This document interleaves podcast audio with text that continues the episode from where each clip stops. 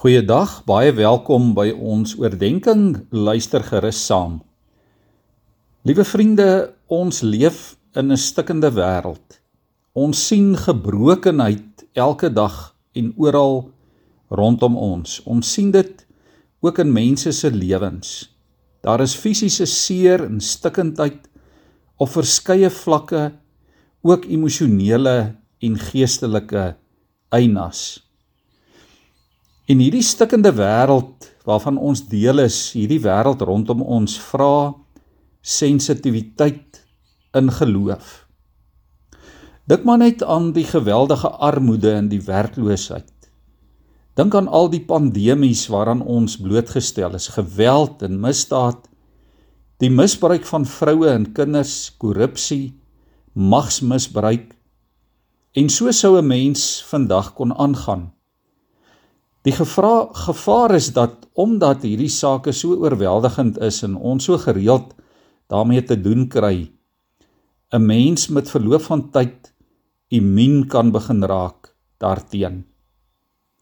Die bekende Pieter Story sê dat die nuwe Suid-Afrika, die Suid-Afrika waarvan ons vandag deel is, dringend moet soek na sy eie siel Ja, liewe vriende, ons samelewing het morele herstel nodig.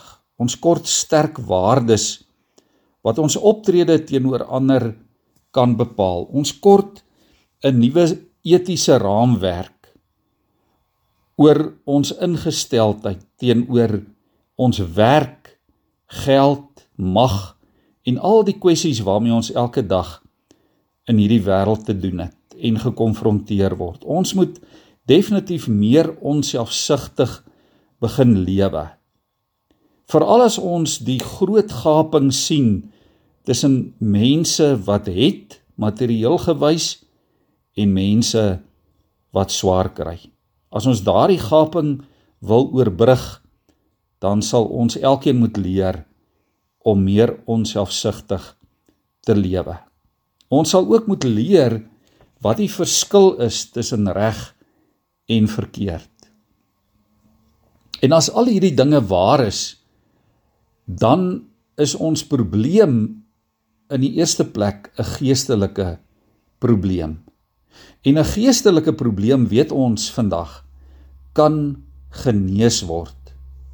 Ons as gelowiges moet dit bly glo. Daar is genesing in Jesus Christus. Ja, die seun van God het volledig vir ons kom wys hoe dat God wil hê ons moet lewe en hoe dat ons ons lewe hier op aarde moet inrig. Het hy dan nie juis vir ons geleer dat hy die weg en die waarheid en die lewe is nie? En dit beteken eenvoudig dat ons Jesus se voorbeeld elke dag in ons doen en late moet volg, dat ons in sy voetspore moet lewe. En dit laat ons vandag net met een opsie. Ons moet die evangelie uitlewe. Die evangelie van naaste diens en naaste liefde wat Jesus vir ons kom leer het. Ons moet dit vestig.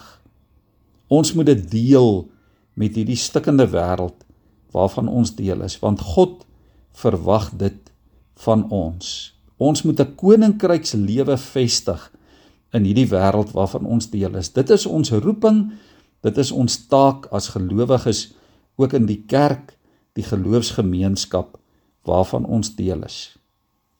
In Matteus 25 hiervan vers 31 sê Jesus: "Julle is die sout vir die aarde. Maar as sout verslaan het, hoe kry 'n mens dit weer sout? Dis niks meer werd nie. Dit word buitekant weggegooi." Die mense vertrap dit. Ja, julle is die lig vir die wêreld. Laat julle lig dan so voor die mense skyn dat hulle julle goeie werke kan sien en julle Vader wat in die hemel is verheerlik. In Johannes 10 sê hy: Ek het gekom sodat julle en die wêreld die lewe kan hê en dit in oorvloed. In Lukas 6 vers 38 gee en vir julle sal gegee word. Mag ons dit opnuut weer die ingesteldheid van ons lewe maak om Jesus se voorbeeld te volg. Voorbeeld van naaste diens, voorbeeld van gee eerder as om te wil ontvang. Kom ons buig ons hoofde in gebed voor die Here. Here, ons weet dat U wil vir ons is dat hierdie wêreld ook 'n beter en 'n mooier plek sal wees. Here, ons weet dat ons doen en late hier op aarde U hart so dikwels in stukke laat breek. Ja Here, dat U ook vandag hartseer is oor hierdie stikkende wêreld waarvan ons deel is. Here, ons bid dat U ons sal vergewe. Maar Here, dat U ons ook 'n hart sal gee vir hierdie wêreld, dat ons saam met U Here sal begin huil oor die stikkindheid van ons samelewings. Here, maak ons oë oop na die voorbeeld van Jesus. Geef vir ons verbeeldingskrag, Here. Geef vir ons onverskrokkenheid. Geef vir ons daadkrag sodat ons ja Here, u nuwe wêreld met sensitiwiteit sal kan help vestig. Dit is ons gebed in Jesus se naam. Amen.